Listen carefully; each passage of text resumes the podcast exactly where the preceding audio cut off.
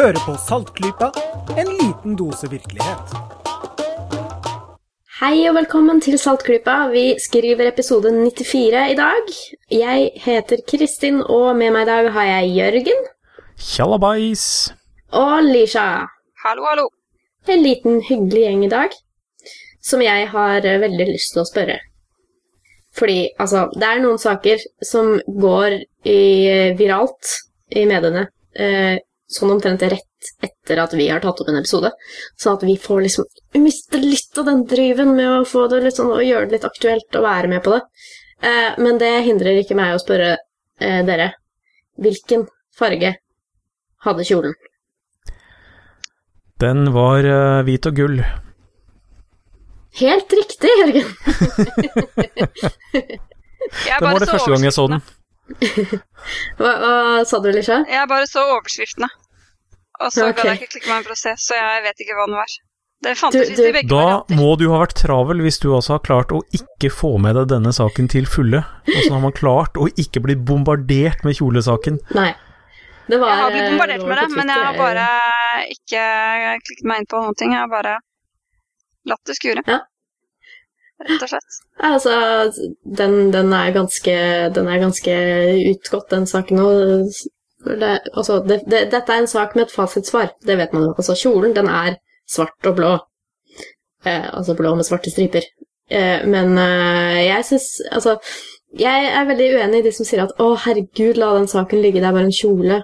Bruk tida på noe annet. Det syns jeg er eh, Jeg syns det var en veldig ja, teit måte å si det på, fordi eh, jeg synes det er en utrolig kul demonstrasjon av eh, hvordan vi, vi hjernen vår blir lurt. Eh, det er en utrolig kul optisk illusjon, syns jeg faktisk. Og sånn som jeg har skjønt det, da, så er det en konsekvens av hvordan hjernen vår hele tiden ser ting i forhold til andre ting. Ja, altså, vi blir jo bombardert med synsinntrykk hele tida, sånn at vi har en del av eh, hjernen som eh, jobber med å tolke synsinntrykk før de når bevisstheten. Ja. Eh, og justere ting i forhold til hverandre, sånn at når man ser på et ansikt som er i eh, sterk motsol, så på et fotografi ville det bare blitt en silhuett, mens hjernen vår klarer å plukke ut detaljene i ansiktet likevel og oppfatte det som at nei, men der står en godt opplyst person. Ja, og det samme er det på fargen på lyset. Altså, hvis jeg skal måtte oppsummere dette her, så er det et litt dårlig mobilbilde av en kjole som ble lagt ut på Twitter med spørsmål om hvilken farge har den kjolen. Eh, og det var jo litt sånn duse farger, og det, er- veldig, det er veldig vanskelig å se da eh, omgivelsene til den kjolen, for det, er- liksom et sånn smalt bilde av en kjole, så du ser ikke bakgrunnen så veldig. Så jeg har litt vanskelig for å liksom se hvilket lys er det denne kjolen er tatt i. Er det et gyllent lys, eh, eller er det liksom et eh, sånn type dagslys, blå himmel-type lys? Og eh, for meg så er det liksom sånn, så så jeg det bildet som et bilde med veldig dårlig hvitbalanse, rett og slett. Ja. Eh, og at det helt klart var en hvit kjole, som bare, og bildet var blitt litt blått. Og jeg har møtt personer som bare ser veldig rart på meg og sier at jeg skjønner ikke hvordan det er mulig å se at den kjolen er hvit, liksom, når den helt klart er blå. Så det er sånn, det er sånn skikkelig grensetilfelle, da. Ja ja, neste gang jeg så bildet, så kunne jeg ikke skjønne at jeg hadde sett den i noen annen farge forrige gang. Nei. Ja, jeg har også opplevd det å se et bilde hvor, hvor jeg bare plutselig innså at uh, jeg var utrolig dum. Uh, så, men uh, jeg, altså jeg er i hvert fall en av de som syns det var en veldig kul sak, ikke en veldig unødvendig sak, fordi da blir man minnet på at vi er litt sånn vi er, helt, vi er ikke så rasjonelle som vi skulle tro. Det skal vi komme litt tilbake til i denne episoden, faktisk. Ja, det er en del som bruker en sånn uh, måte å si at 'jeg vet hva jeg så', ja, som bevis for at det de sier er eh, objektiv sannhet. ja.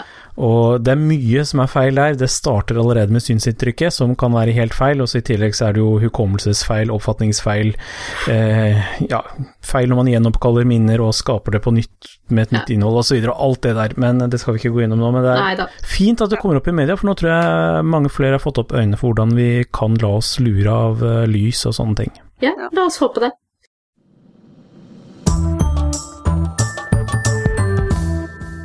Men eh, det er noen ferske eh, saker om homøopati i mediene nå for tiden. Det er ganske store saker. Det er en, det er en studie, eller en, eh, en review er det kanskje vel, fra Australia, som har kommet. Hva Ja. sier den? Det er australske Jo. myndigheter er det ikke det, som har satt ned en sånn review board for å håper komme til bunns i saken i forbindelse med hvilket regelverk de ønsker å ha rundt dette.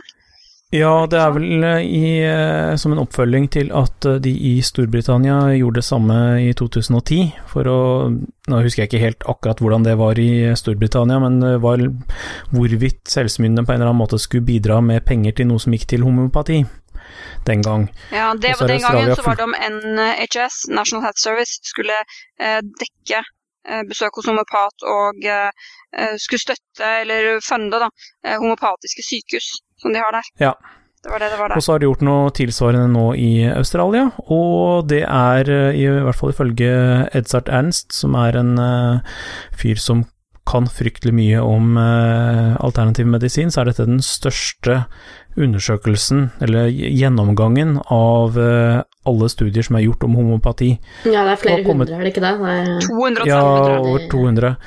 Ehm, og de har kommet fram til at eh, det er ikke bevist at homopati hjelper for noe som helst. Det er ganske standard. Det er, det er ganske heftig konklusjon, da. Ja, den er veldig eh, klar og sterk, og de sier også at eh, selv om det ikke har noen virkning, så bør man unngå homopati fordi det kan få folk til å velge vekk annen medisin, og at det er helsefarlig. Så de, de har en veldig, veldig sterk konklusjon. En veldig sterk konklusjon, ja. Og eh, en eh, enda sterkere Nei, jeg vet ikke om den er så enda sterkere, men eh, de kommer jo med et svar, da, disse- her homopatene i Australia. For de har jo et forbund. Der så jeg noen la ut på Twitter, jeg tror det var Ben Goldrecker på Twitter, med andre, som linket til en PDF som er et brev på noe sånt som tolv sider fra eh, den, eh, er det australske homopatiforbundet, eller hva det heter, da. Ja, Australian Homeopathic Association. Ikke sant. Så det har da kommet en sånn åpent svar, åpent brev, til denne her eh, tingen. Og den skal jeg ikke gjenfortelle, for der kommer jeg ikke noe særlig lenger enn til de første setningene.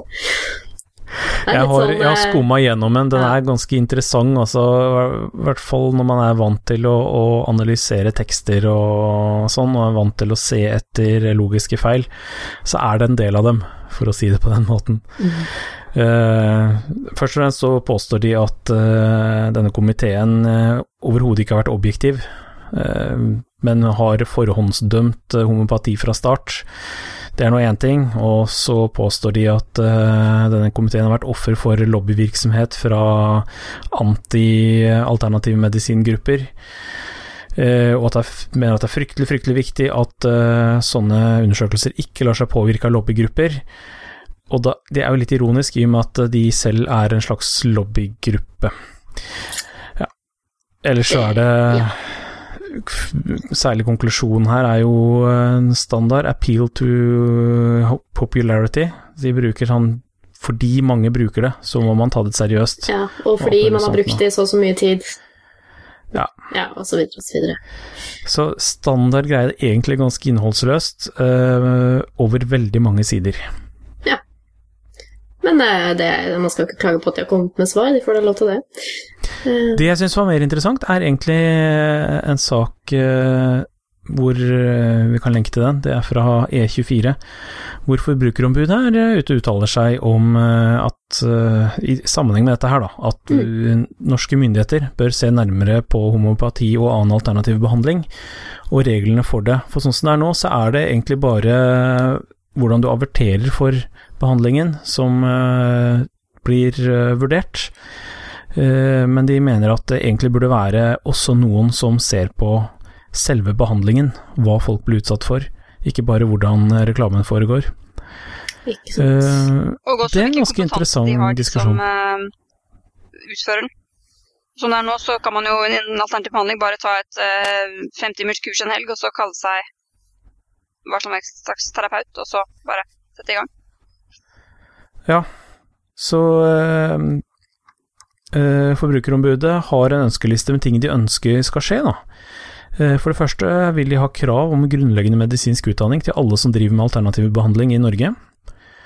Ikke verst. Det er, ja, nei, det er jo et fint krav. Det er problemet med det også, for det vil jo samtidig legitimere de som gjennomfører det. Eh, Men det er nå så. Også ønsker de seg et fagutvalg som jobber fram et regelverk som sikrer bedre forbrukervern. Og så ønsker de seg et nytt organ som følger med i bransjen.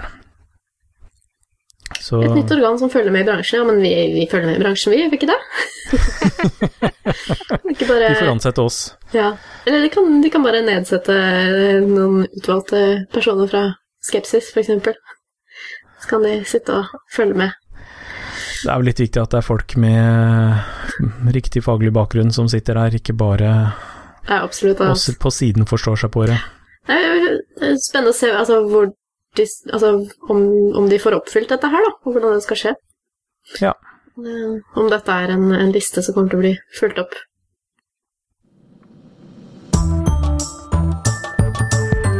En annen ting vi har i denne episoden her innledningsvis, før vi skal over til vårt lille tema, det er en liten oppdatering fra eh, forrige gang vi snakket om datasikkerhet. Du hadde noe å si om det òg, du, Jørgen?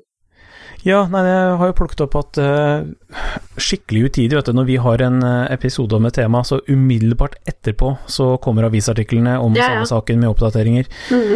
Eh, det var jo Bendik som hadde en eh, lang tirade her om datasikkerhet, og annet hvordan man kan plukke opp samtaler over mobiltelefoner, og var så vidt innom dette her med de falske basestasjonene for mobiltelefoni som har dukket opp i Oslo sentrum. Før jul ble de oppdaget. Og eh, ja, nå viser det seg jo at det nok sannsynligvis er eh, vårt lokale PST som står bak disse basestasjonene, selv om de ikke har vært rapportert inn som de er lovpålagt å gjøre. Og Ah. PST mener at eh, nei, men det skyldes at det er to motstridende lover, og da velger vi å følge den ene, og ikke den andre. Vi følger den vi liker, som er eh, at de kan få lov til å få mye videre muligheter til å gjøre opptak, og så dropper de eh, den om at eh, jeg vet, ja, Det var ikke helt riktig at det er det som krasjer. Det som krasjer, er taushetsplikten. PST har en veldig streng taushetsplikt for ikke å avsløre noe, mens det er en annen lov som ble vedtatt sammen med disse utvidede mulighetene om at de må melde fra når de lager sånne falske basestasjoner som kan plukke opp andres samtaler. Og det har de da ikke gjort, for de mener at det bryter med taushetsplikten.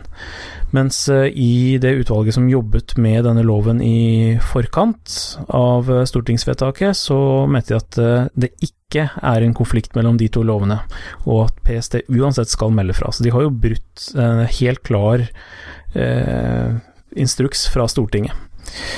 Så det er ganske interessant. Ja. Og midt oppi det hele står en eh, justisminister som jeg tror har litt problemer om dagen. Det tror jeg også. Han har flere ting å tenke på. Uansett, eh, kommer sikkert en sak rett etter at vi har tatt opp i kveld, tenker jeg. Eh, Ikke rekker å få med i kveld. Breaking news eh, lørdag morgen. Eh.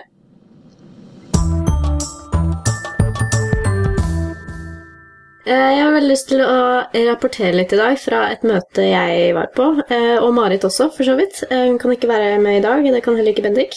Eh, Men eh, vi var på et møte arrangert av HEF på Litteraturhuset i går. Eh, I går er altså i går i forhold til den datoen vi tar opp. Og det var et eh, møte om eh, vaksiner. Fordi at eh, det, som lytterne sikkert skjønner, så er det noe vi er litt opptatt av i det siste. Eh, fordi det er noe som har vært veldig mye i mediene, og selvfølgelig er det veldig greit å utnytte det til et sånt diskusjonsmøte. Eh, det var veldig interessant. De, hadde de hadde invitert to veldig dyktige mennesker til å innlede. Det ene var Marianne Riis Bergsaker, som er overlege på avdeling for vaksiner ved Folkehelseinstituttet. Eh, og den andre, det var eh, vår aller kjære Jan Ole Hesseberg, psykologen fra Folkeopplysningen og podkast uh, Psykologlunsj, for eksempel. -hmm. Så det var et, uh, det var et skikkelig team, det, altså. Um, møteleder startet jo med å si hvis vi skulle være skikkelig objektive, så kunne vi jo invitert en uh, hardbarka vaksineskeptiker, osv., osv. Det kan man jo diskutere senere om det hadde vært noe lurt, da. Men eh, jeg tenkte jeg skulle bare gi et kort sammendrag av hva de to snakket om. Mm. Og eh, først så var det Marianne fra FHI som eh, startet med å eh, si litt om vaksiner og vaksineprogrammet som vi har i Norge. Barnevaksineprogrammet osv. Og eh, veldig mange interessante F.eks. En, en spørreundersøkelse som hun dro frem, da, eh, hvor de spurte, spurte nordmenn hvor alvorlig opplever du at de forskjellige sykdommene er. Så hadde de da rangert etter de forskjellige vaksin, vaksin vaksinerbare sykdommene. da. Og det som var litt morsomt, eller litt skremmende, da, det var at eh, sånn som meslinger, kikhoste, røde hunder, disse her, disse her som har liksom vært litt sånn skremsel om i mediene, eh, der var det veldig få som syntes liksom, at det var alvorlig. Det var veldig få som syntes det var eh, en bekymring. Mm. Og eh, det er litt sånn, og, og 20% av de spurte hadde på et tidspunkt vært i tvil om de skulle vaksinere barna sine, faktisk. Så jeg tok opp litt sånn grunner for det. da. Det ene er at vi er redd for bivirkninger. Det er jo noe som media liker å hause veldig mye opp. Uh, og de hadde vurdert å liksom la immunforsvaret naturlig ta seg av det ved å liksom bli syke og bygge opp, bygge opp immunforsvaret naturlig på den måten. De var eh, eh, bekymret for eh, langtidseffekter av vaksiner, og de hadde sett dette her, det synes jeg var interessant. De hadde lest liksom om disse ekspertene i, media som aldri blir enige. For de ser jo Riktig. for og imot, ikke sant? Eh, men også det at de rett og slett manglet info, da, om bivirkninger og så videre. Så, og det hun også fortalte, hun ga jo et lite krasjkurs i immunologi, det var jo litt fint. Eh, rett og slett hvordan en bakterie eller virus virker inn på immunforsvaret vårt, og hvordan de bygger opp forsvaret, og eh, det at vi ønsker å etterligne naturen, da, uten å bli syke, og forklarte litt om forskjellen på disse her levende vaksinene som de eh, gir, og vaksiner som inneholder inaktive eller drepte virus og. Og så var det dette her hovedgrunnene til at man vaksinerer. Da. Du har, eh, nevner tre hovedgrunner. Det ene er å utrydde en sykdom. Det har vi jo gjort med kopper, for eksempel. Eh, og forhåpentligvis polio. Eh, Den andre grunnen var å redusere forekomsten i en, en del av verden da, hvor det er veldig mye utbrudd, som meslinger. Og den tredje, som da også ga en intro til etterpå, det var dette begrepet med flokkbeskyttelse. Herd immunity. Det vil si også redus- redusere risikoen også for de som ikke er vaksinert. Eh, og ja, sa sånn viktige ting med flokkbeskyttelse. Altså både det at det er, hvis det er veldig mange som blir vaksinert, så eh, kan, altså blir det vanskelig for bakterier og virus å finne en person å smitte, eh, sånn at den brenner ut av seg selv. Eh, og det andre er at ikke, du ikke smitter andre, da. Hvis du er vaksinert, så den, den setter seg ikke fast. Så, så så hun litt på selve vaksinasjonsprogrammet, hva som avgjør eh, om at en vaksine kommer inn i programmet eller ikke. Eh, og eh, nevnte hun veldig det at all vaksinasjon i Norge er frivillig, for det er ikke alle som kanskje tenker over det. Eh, og de har ingen, overhodet ingen planer eller ønske om å gjøre noe vaksinasjon obligatorisk i Norge. Og så dro hun fram et veldig morsomt eksempel på en obligatorisk vaksine. Det var den, den første som ble innført, nemlig koppevaksinen. Eh, og den, den var faktisk sånn, det var, det var jo tvang, da. Eh, det var veldig, veldig eh, viktig å bli koppevaksinert, ellers så fikk du ikke stå til konfirmasjon. Og det var jo på en måte hele Altså, du fikk jo ikke komme inn i voksenlivet ikke sant, uten å, uten å ha stått til konfirmasjon, så det var jo Det var veldig effektivt. Så helt fram til eh, 1976 da, så var denne her faktisk obligatorisk, og den, den ble jo utrydda etter hvert. Eh, og det som jeg synes var veldig spesielt med det eksempelet her, det at den var obligatorisk, og at folk vaksinerte seg, eh, det var at det var faktisk en veldig stor drawback med den vaksinen her, for det var faktisk ganske mange alvorlige bivirkninger av vaksinen. Og man kunne faktisk dø av koppevaksinen. Ai. Eh, men det, det man gjorde, det var at man tolererte det at vaksinen kunne være farlig, så lenge den senket sjansen for å dø så mye da, som den gjorde i forhold. Det er klart, i en eh, veldig vanskelig situasjon med høy dødelighet eh, generelt i befolkningen, så kan man gjøre sånne valg. I dagens samfunn så ville jo ikke det vært aktuelt. Nei, det var det. Ikke sant. Så hun understrekte jo det, at eh, all vaksinasjon i Norge i dag er frivillig. Og når hun viste litt sånne grafer over vaksinasjonsdekning da, på forskjellige nivåer, altså land, fylke, kommune og sånn, så ser man denne her Wakefield-dippen. Som hun eh, viste til, at den var så synlig at folk, altså folk i salen sa Wakefield før hun forklarte hva det var. Hun så det på årstallet. Eh, men hun eh, eh, hun understreket jo også at det faktisk de aller fleste lot ikke være å vaksinere etter denne her skandalen, eh, men de bare, de bare ventet. Og det er jo fortsatt en Ah. naturlig reaksjon. Så det er Ja. positivt, og det har kanskje ikke kommet så, så mye frem, da. Det er interessant. Mm. Så, men eh, det er klart, liksom Ingen ble knivstukket på byen i helgen, er jo liksom ikke nyhetsstoff, tenker jeg. Nei. Nei, det selger ikke så bra. Nei.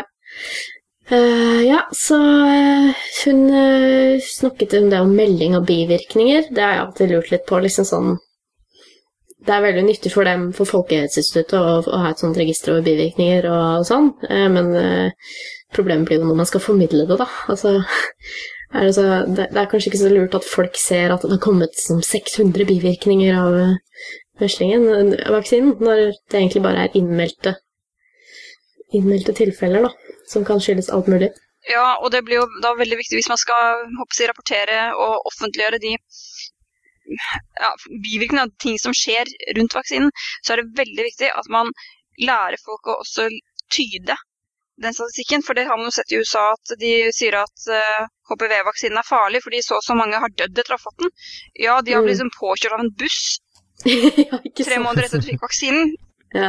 Men det er jo ikke pga. vaksinen, men Nei. det er dødsfall i etterkant.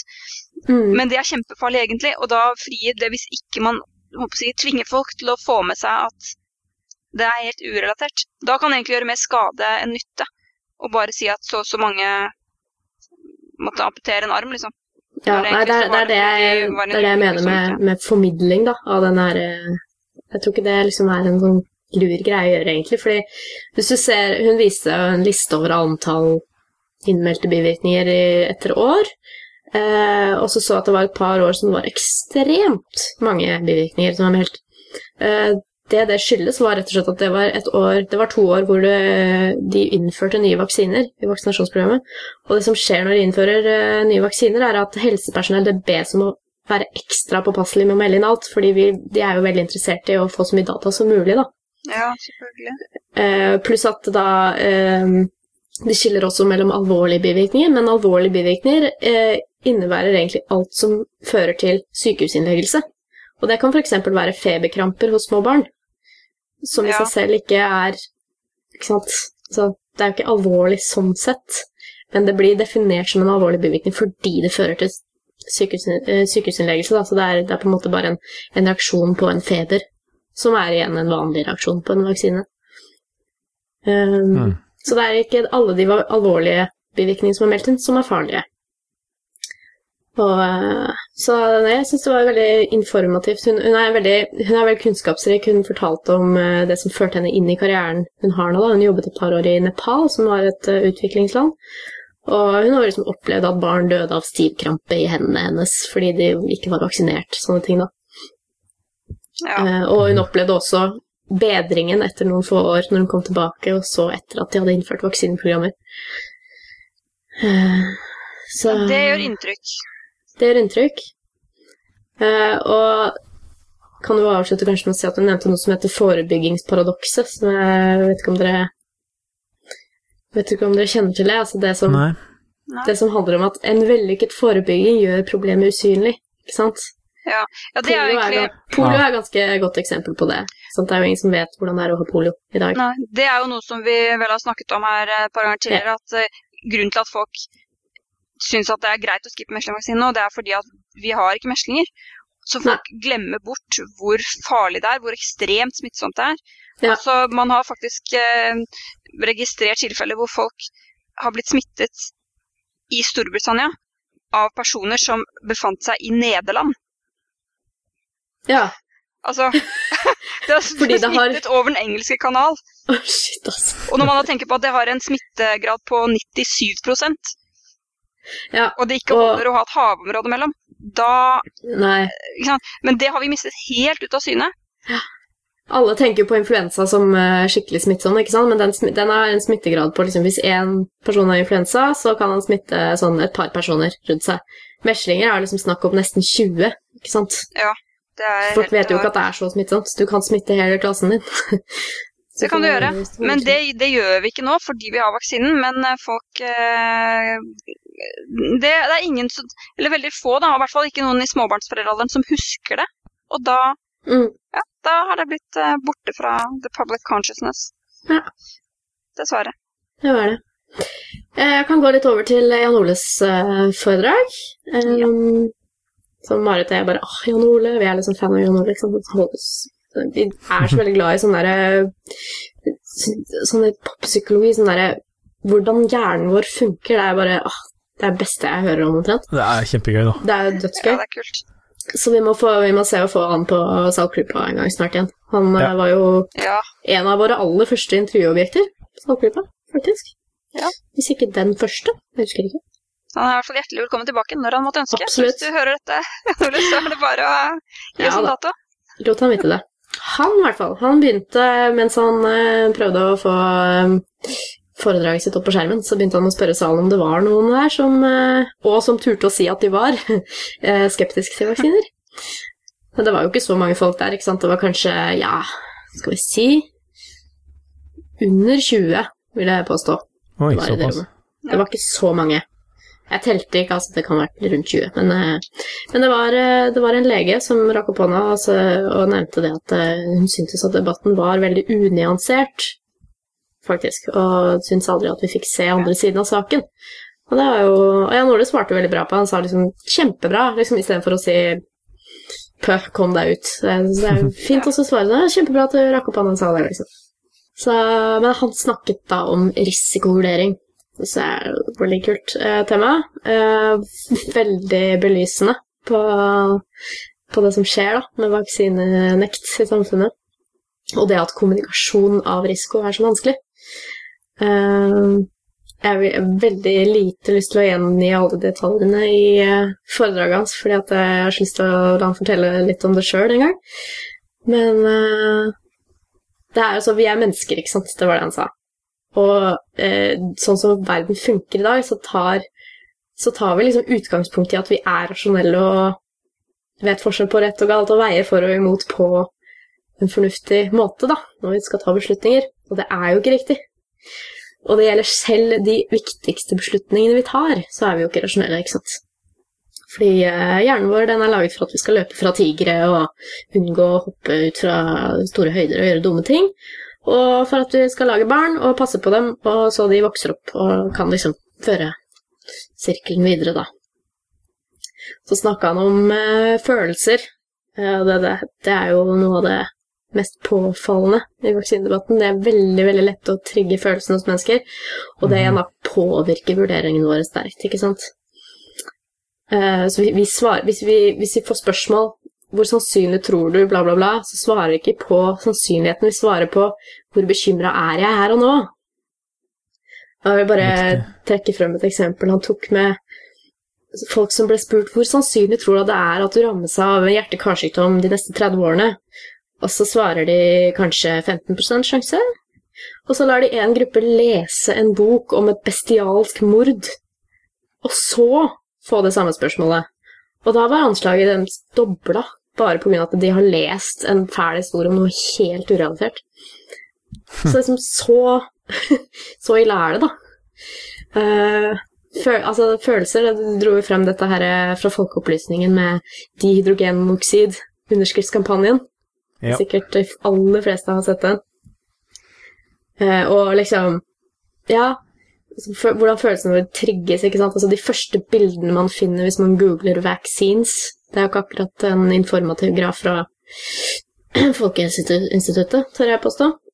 Um, Det er mye spedbarn med enorme mengder store sprøyter i arm og hode og det er akkurat det, vet du, mens de gråter og har det fælt, og så er det litt dødning i hodeskaller og litt sånn forskjellig, da.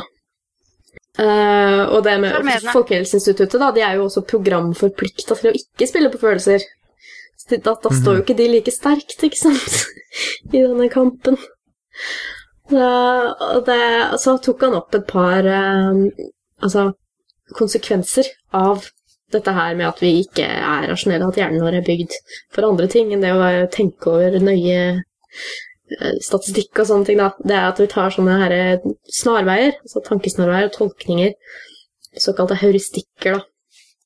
Eh, som er liksom ja, raske måter å finne ut av situasjoner. De fungerer stort sett bra. Og, men andre ganger så har det mer eller mindre alvorlige konsekvenser, og det er det, det, er det vi kaller bias, da, eller skjevheter. Eh, Så tok han for seg to typer sånne biaser. Eh, Det ene heter unnlatelsesskjevhet, eller omission bias. Kan dere tenke dere hva det handler om? Det Handler vel om at man ser bort ifra det man måte, ikke liker, eller det som ikke stemmer med det du allerede tror.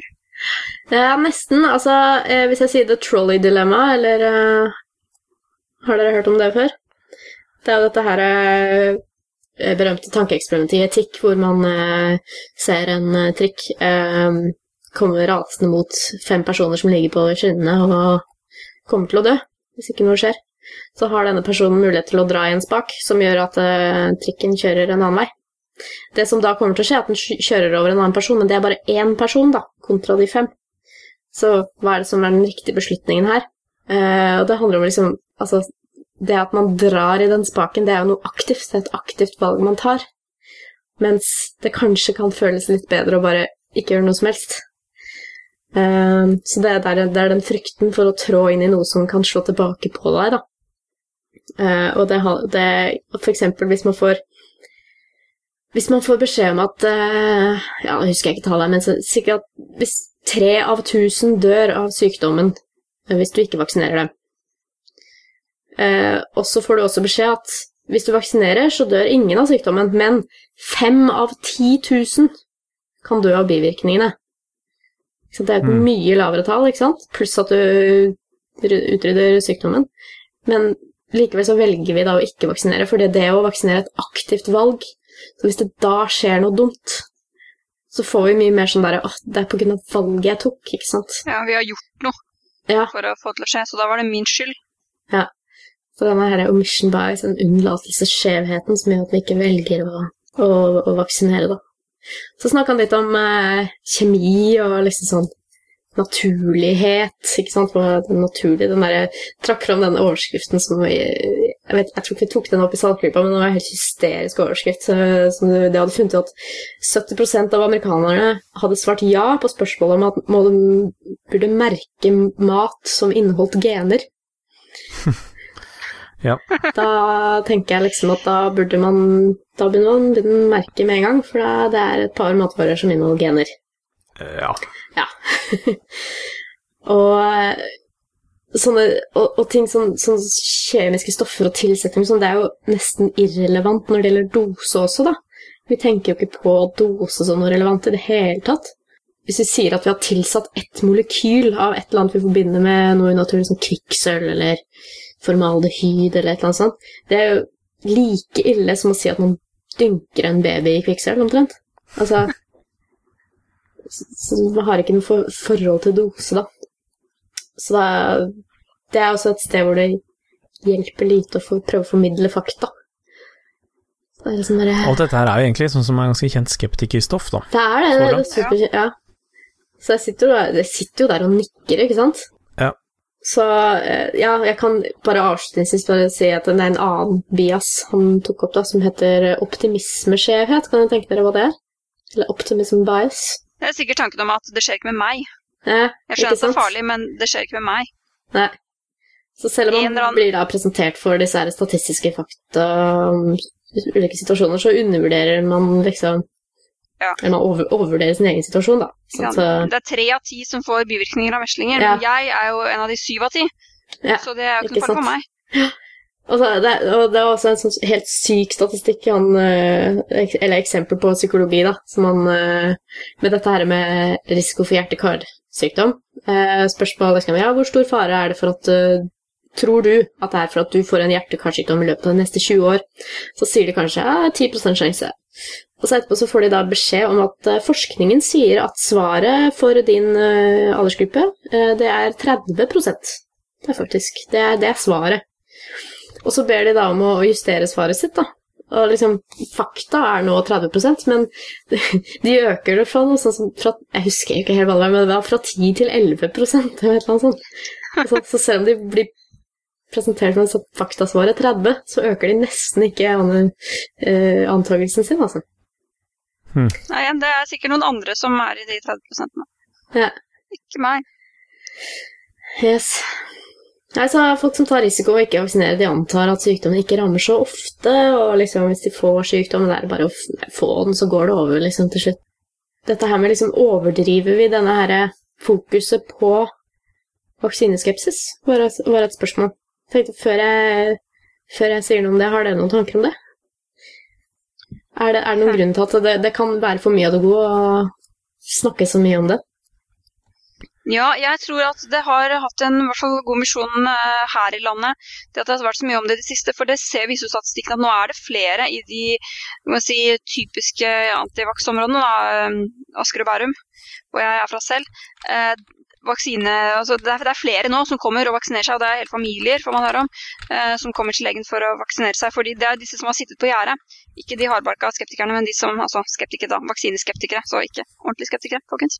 Men eh, de, som, de, som, er virkelig antivaksere, de går det ikke an å snakke til. Men de som sitter på gjerdet og ikke vet, fordi de, som du sier, kjemi er vanskelig og man er optimist, de har nok, virker det som nå, da, blitt eh, ja, dytta ned av gjerdet. Mm. I hvert fall mange av dem. Nei, for det som kom frem da, eh, i det møtet, det med spørsmål om liksom, vi overdriver, det er, eh, det at denne konflikten som presenteres i mediene, det vi liker å kalle falsk balanse, ikke sant? Det har vi snakket om så mange ganger.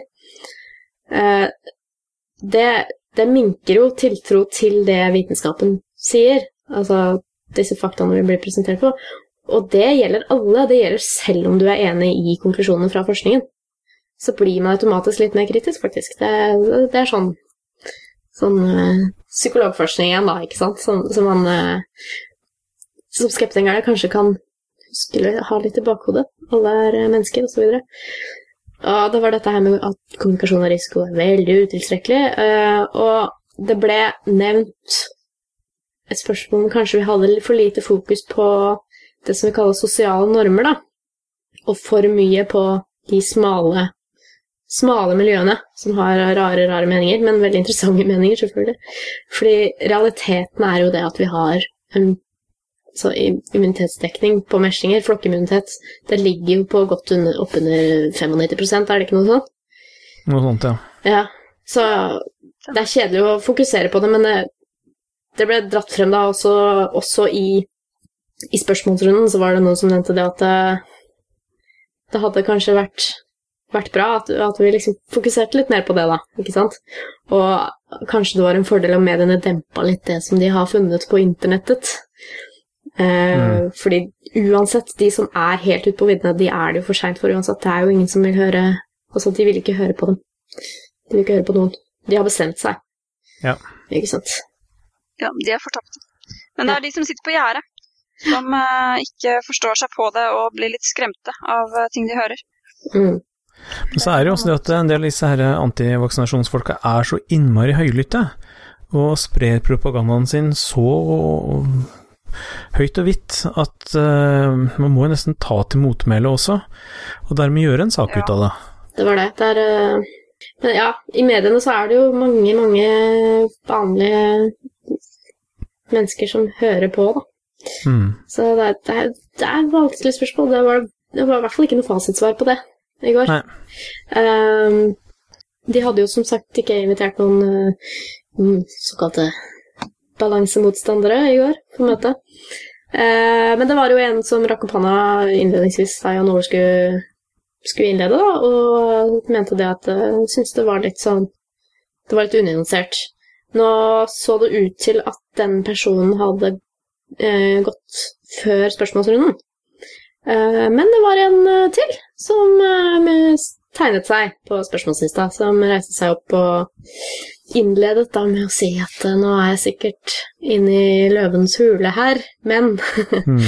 Så det var veldig interessant. Um, så denne personen, han uh, syns da uh, ikke saken er så avklart.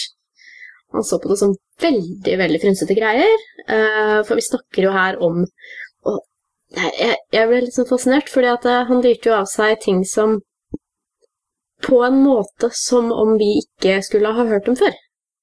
Mm. Det ser jeg litt sånn Og da tenker jeg og liksom, For vi snakker jo om ekstreme giftstoffer. Bare se på ingrediensene, for eksempel.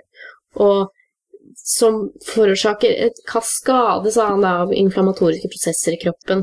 Autoimmune lidelser, astma, allergi, hjernesykdommer, ikke sant. Og det, at dette her kommer jo binder seg sammen med autisme. Og Hmm. det, det har blitt underslått data, da, i store mengder for å få bort denne her korrelasjonen mellom vaksine og autisme.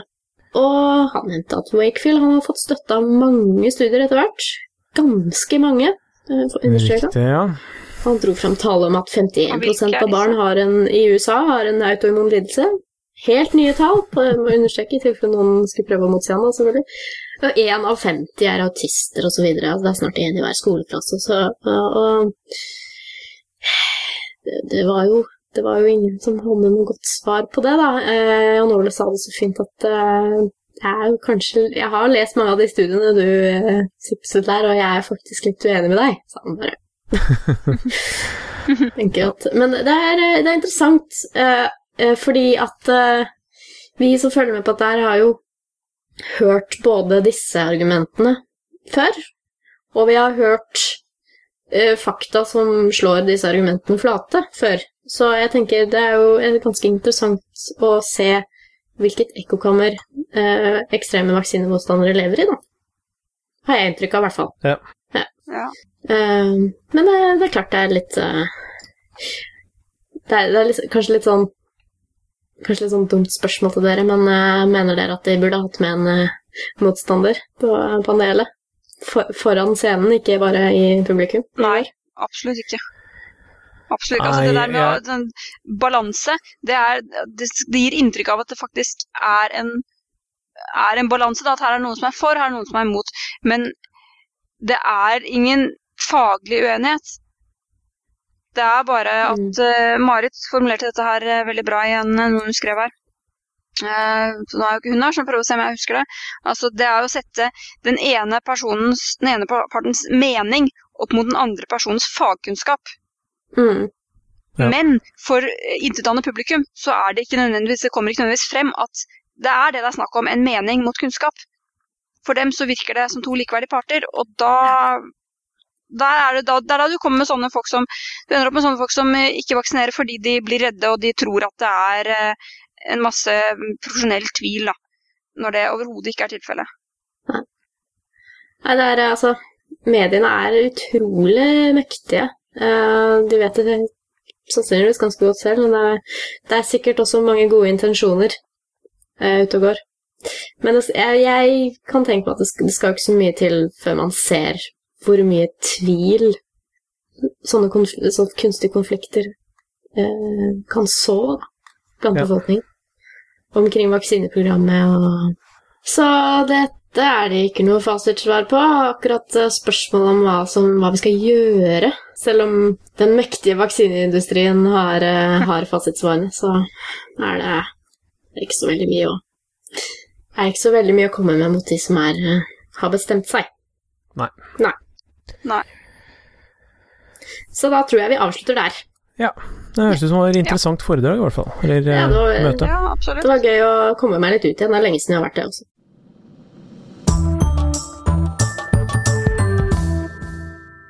Vi har noen anbefalinger helt avslutningsvis. Eh, Jeg eh, leste to morsomme artikler på nettet, på internettet. Eh, Det var to eh, historier som eh, jeg velger å slå sammen til samme tema. Det er nemlig historien om to profesjonelle alternativutøvere. Det er snakk om en eh, prof profesjonell astrolog, hvis man kan kalle det det, altså en yrkesastrolog, og en eh, som var utdannet i naturopati, heter det på norsk? Naturopathy? Naturopathic. Yes. I hvert fall. Eh, som da begge gjennom kritisk tenkning knuste sine egne illusjoner, og, og, og har nå fortalt om det, da. I. Det, er, det er to helt forskjellige blogginnlegg, men eh, de er veldig fine å lese, så, vi skal linke til det. Ja. Det andre vi skal linke til, er Marits kronikk i Aftenposten. Har du lært regner med at dere har Ja. lest den? Det er nemlig i etterkant av hennes eh, møte med Lisa Williams på NRK. Så den skal dere få lov å lese. Burde kanskje lenke til eh, det klippet fra NRK også. Det skal vi også gjøre. Det var heiavstemning heiastemning i stua. det var det. Mhm. Og eh, i hvert fall eh, avslutningsvis så vil jeg anbefale å minne om, det har jeg sagt før, eh, men det, vi har faktisk en solformørkelse på norsk jord eh, neste fredag, altså 20. mars. Og den er eh, ganske Altså, den er total på Svalbard, eh, men den er ganske godt dekka i, i, på fastlandet i Norge også, så den skal vi Vi skal linke til en, eh, en oversikt over når og hvor, videre. Det blir kult. Mm. Så tenkte jeg å anbefale en artikkel på forskning.no. I sommer så hadde vi i episode 74 eh, om et innmari morsomt arkeologisk funn i Vestfold, med fryktelig gamle skjeletter, med også hjernemasse Ja. fra steinalder. Eh, De har ikke ferdig konklusjonene, men nå jobber de mer intenst med faktisk sluttutgravingene som foregår inne i laboratoriet, for de hadde ikke tid til å gjøre utgravingen ferdig innen den store utbyggingen som er grunnen til utgravingen. Eh, Så de skar opp resten av funnet i blokket, tok dem inn på laben, og nå driver de og finutgraver den inne på laben. Og det har begynt å dukke opp spennende ting. eh, Og det er også sånn faglig for oss arkeologer, eh, dette her, at disse knoklene er innmari dårlig bevart. De har ligget i innmari tettpakka leire. Og det har annet ført til at uh, trerøtter har hatt enkleste veien for dem å gro, har vært inni knoklene. Å, såpass, ja.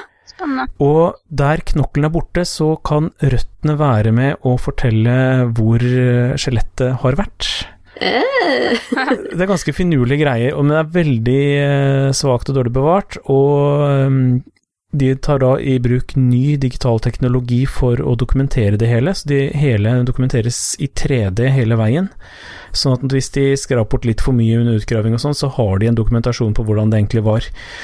Eh, Så det er veldig spennende. Som sagt, dette er ikke konklusjonene, dette er bare litt Litt mer av det som foregår, men jeg anbefaler å kikke på det. En liten oppdatering. Ja. Så bra. Ja, men eh, da sier vi det sånn, og så kan vi eh, avslutte der. Ja. Takk for at dere var med. Bare hyggelig. Ja. Ha det. Og Ha det. så snakkes vi om ikke så altfor lenge. Ha det bra. Ha det. Saltklypa lages av Kristin Lisha, Jørgen og Bendik. Har du spørsmål, anbefalinger, ris eller ros, send det til post at saltklypa.no, eller finn oss på Facebook. Lenker til alt vi har snakket om i episoden finner du på saltklypa.no, hvor du også kan abonnere på podkasten for å få hver episode levert på døra helt gratis. Takk til Smart 9000 fra Evig poesi, som har laget kjendismelodien vår.